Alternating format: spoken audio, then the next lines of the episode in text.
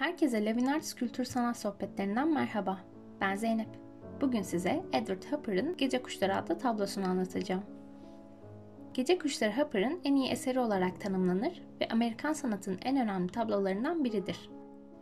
Hopper, gece kuşlarının New York'un Greenwich bulvarında iki sokağın kesiştiği noktadaki lokantadan ilham aldığını ancak görüntünün özenle oluşturulmuş kompozisyonu ve anlatı eksikliği ile kendi yerel ayarını aşan zamansız bir kaliteye sahip olduğunu söyler.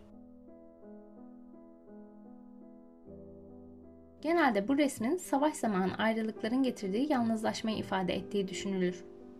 Resmin geneline bakıldığında bu yalnızlığı görürüz. Lokantanın aydınlık, sokağın karanlık oluşu, gecenin geç vakitlerinde açık olan bu tek dükkanın yalnızlığını vurgular. Lokantaya baktığımızda barmenin kadın ve adamla sohbeti, aynı zamanda arkası bize dönük olan adamı görürüz. Bu resimde gözümüze çarpması gereken bir şey var. Lokantanın bir kapısı yok. Ressam bizi içeri almak istemiyor ve yalnız olduğumuzu söylüyor. Resme uzun bir süre baktığımızda sessiz, dingin bir gece olduğu belli. Işığın mekanı ve sokağı aydınlatması resmi dolduran bir detay. Işık aynı zamanda sokağın karşısındaki dükkanın vitrinini aydınlatıyor bize karanlığın içinde tek başına olan yazar kasayı gösteriyor.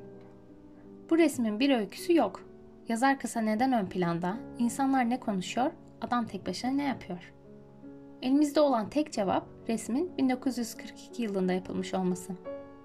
Yani 2. Dünya Savaşı tüm şiddetiyle devam ederken geride kalanlar yabancılaşmış ve yalnızlaşmış bir durumda. Hopper çoğu eserinde bu yalnızlaşma konusunu işlemiştir resmin belli bir mekanı olduğu düşünülse de aslında neresi olduğu belli değil. Amerikan kültürüne ait formlar bir araya getirilmiş. Resimde çok az belirgin nesne var. Bu nesnelerse yazar kasa, kahve gibi Amerikan kültürüne ait ürünler. Ayrıca gözümüze çarpan bütün detayların geometrik formları var.